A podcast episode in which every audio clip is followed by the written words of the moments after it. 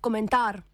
هبوا ضحايا الاضطهاد ضحايا جوع الاضطرار بركان فكر في افتقاد هذا آخر انفجار Ekspanzionizem. الظلام نحطم Salam aleikum, cenjeno poslušalstvo. Zdi se, kot da gre za nek nogometni duel, v katerem lahko izberemo stran in obesimo zastavo izbranega ljudstva na vlado. V naslednjih minutah bomo zato pojasnili nekaj očitno pozabljenih, a jasnih dejstev, zaradi katerih nisi antisemitističen, če rečeš, da je Izrael ekspanzionistični agresor, ki ne bi smel obstajati in ne bi obstajal, če ne bi imel pomembnih agresorskih prijateljev, ki mu pomagajo pri oboroževanju in posledično zatiranju obstoja enega celotnega naroda. Poročanje o situaciji v Gazi je sedaj preplavljeno z globalnim strahom pred antisemitizmom. Mediji tako večinoma obsojajo obe strani ali samo skrajneže, ki so izključno na palestinski strani. V tem komentarju bomo zato ponovili zgodovino, za katero smo menili, da je jasna. Ha, glej ga zlomka, zastava na vladi. جميعا حزب الكادحين Prvič, ne smemo poudarjati verskih aspektov tega konflikta. Tukaj lahko najdemo izključno versko motivirano podporo agresorja. Tako je naprimer z Dodikovo projekcijo izraelske zastave na palači Republike Srpske v Banja Luki. Ta poteza pa se mu je sicer izjalovila, saj se je v odgovoru na Twitterju Netanjahu zahvaljeval Bosni in Hercegovini, torej državi, ki se jo Dodik trudi razbiti. Verske aspekte, poleg ekonomskih, lahko najdemo še v indijski podpori Izraela. Ampak ne, situacija, v kateri so palestinci v Gazi, ni povezana z nezmožnostjo verskega sobivanja. Palestina je bila sicer pred obdobjem po drugi svetovni vojni večinoma muslimanska, a je bil Jeruzalem, mesto sveta vsem trem monoteističnim religijam, dokaj sorazmerno porazdeljen med temi verskimi skupnostmi. Na drugi strani pa se v visoko civilizirani Evropi v 19. stoletju, ko so muslimani in judje v Jeruzalemu sobivali, evropsko sovraštvo do judov kazalo recimo v aferi Dreyfus. Takrat je Francija judovski časnik obtožila izdajstva z izmišljenimi dokazi, kar se je nadaljevalo s protesti, na katerih se je skandiralo Smrt judom! To je bila ista Francija, ki se je pred nekaj dnevi ki je pred nekaj dnevi prepovedala protiizraelski protest zaradi antisemitizma. Strah pred obsodbo antisemitizma je tudi razlog, da je nemški Deutsche Welle izbrisal intervju s palestinskim novinarjem, ki je povedal, da Palestina plačuje za zločine Nemčije proti judom v Evropi. Zdi se, da je antisemitizem zadnje čase povsod, kjerkoli je izrečena kritika okupatorskega Izraela.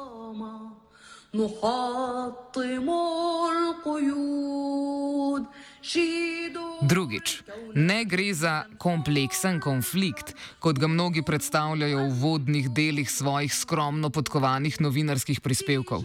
Zadeva je precej jasna. Srhljiva že, kompleksna ne. Leta 1947 je bilo izgnanih milijon palestincev in je sedaj sedem od deset palestincev beguncev. Pa tudi dejstev, o katerih govorimo, ne črpajo iz preteklosti 3000 let, kot to počno Izraelci, ko opravičujejo svoj obstoj na palestinskem območju, saj tako imenovani Izrael verjetno mlajši od vaših starih staršev.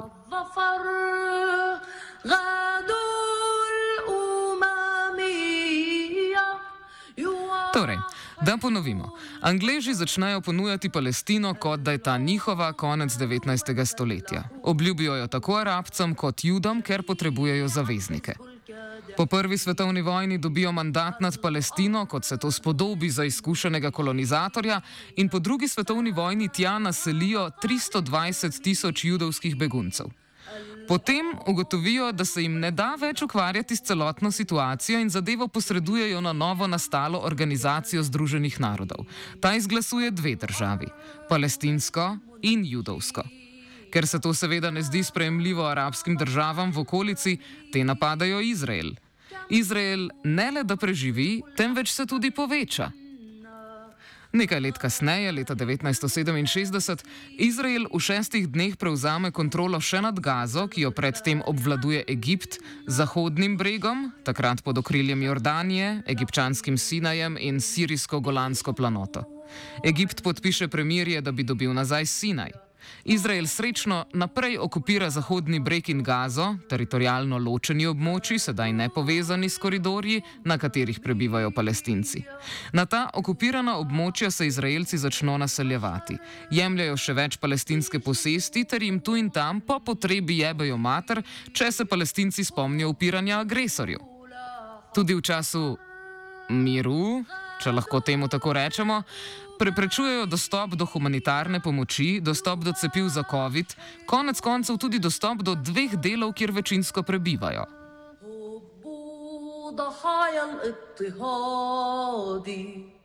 Nedavni dogodki, ki so privedli do te nujne obrambe, ki jo Izrael kruto izvaja nad civilisti v Gazi, so se začeli aprila, v svetem muslimanskem mesecu Ramadanu, ko so pripadniki zionistične organizacije Lehave, ki se med drugim bori za preprečitev poroke med Judi in Arabci, prišli v okupiran zahodni Jeruzalem in usklikali: Smrt Arabcem!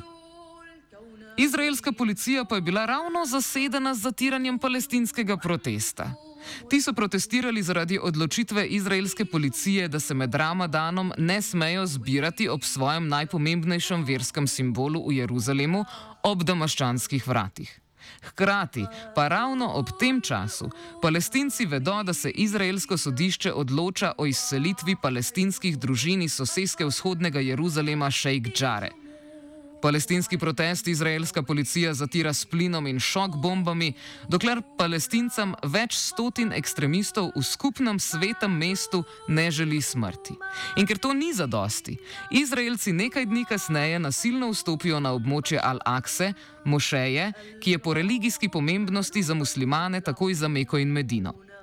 Potem, ko so Izraelci torej prišli gnjaviti na njihov del kupole na skali v svetem mesecu in med sodnim procesom za palestince tujega sodišča, ki odloča o usodi več kot 80 družin, je iz Gaze poletelo 200 raket domače izdelave, ki so nekaj ljudi ranile, ne ubile, ranile.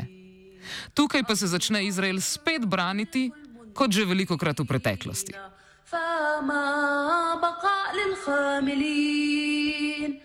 V trenutku nastajanja tega komentarja je v Gazi mrtvih vsaj 212 ljudi. Izrael je utrpel 10 smrtnih žrtev.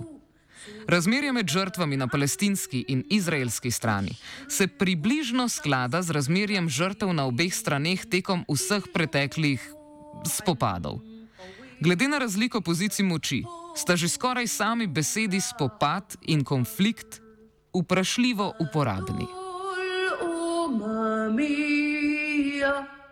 Če bi katera druga država počela to, kar počne Izrael, bi verjetno že posredoval NATO. Sigurno bi imeli hujše sankcije. Amerika bi jim že prišla dat mir in vzeti nafto ali kaj že imajo. Gotovo bi vsaj obsodili dejstvo, da se Izraelu vojna zdi mim, meme. Saj izraelska vlada med drugimi šalami tudi tvita emoji raketic. Pff. Kdo razen Izraela, danes lahko uniči stavbo medijske hiše, ki je glavni vir novic iz okupirane Gaze? Pod pretvezo napada na Hamas napada kamorkoli že lahko. Stavbne komplekse, begunska taborišča, restauracije ob obali. Kdo, razen Izraela, lahko uporablja bombe belega fosforja, ki dobesedno skurijo dihala? Kdo drug lahko za obrambo pred nekaj ubogimi raketami domače izdelave dobi več kot 300 milijonov evrov od američanov? Samo in izključno Izrael. بجموع قوية هبوا لاح الظفر غدوا الأممية يوحدوا البشر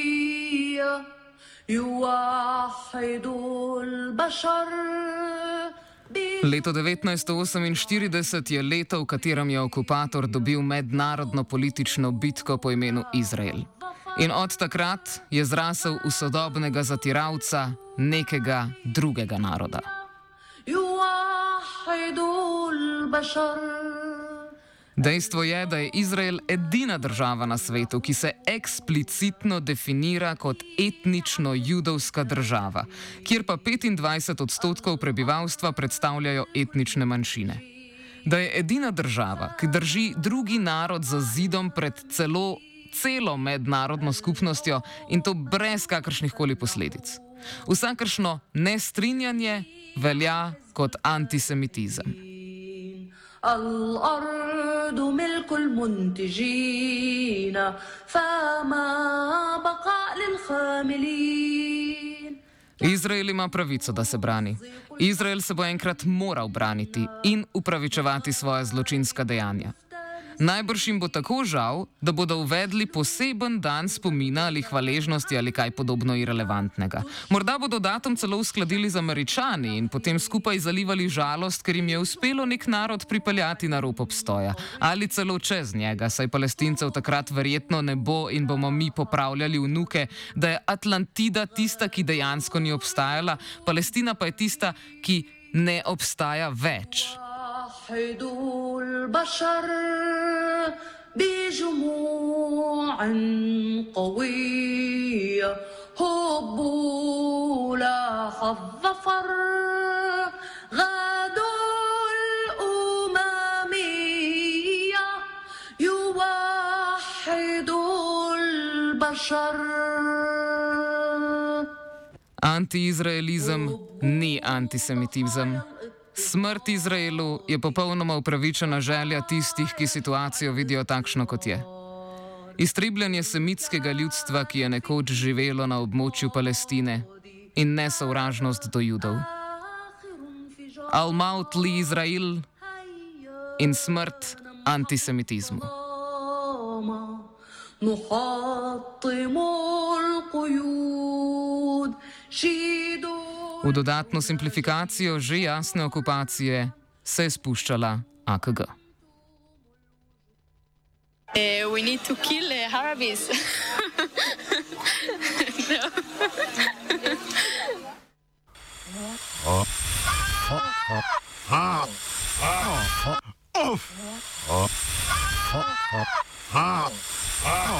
Off komentar.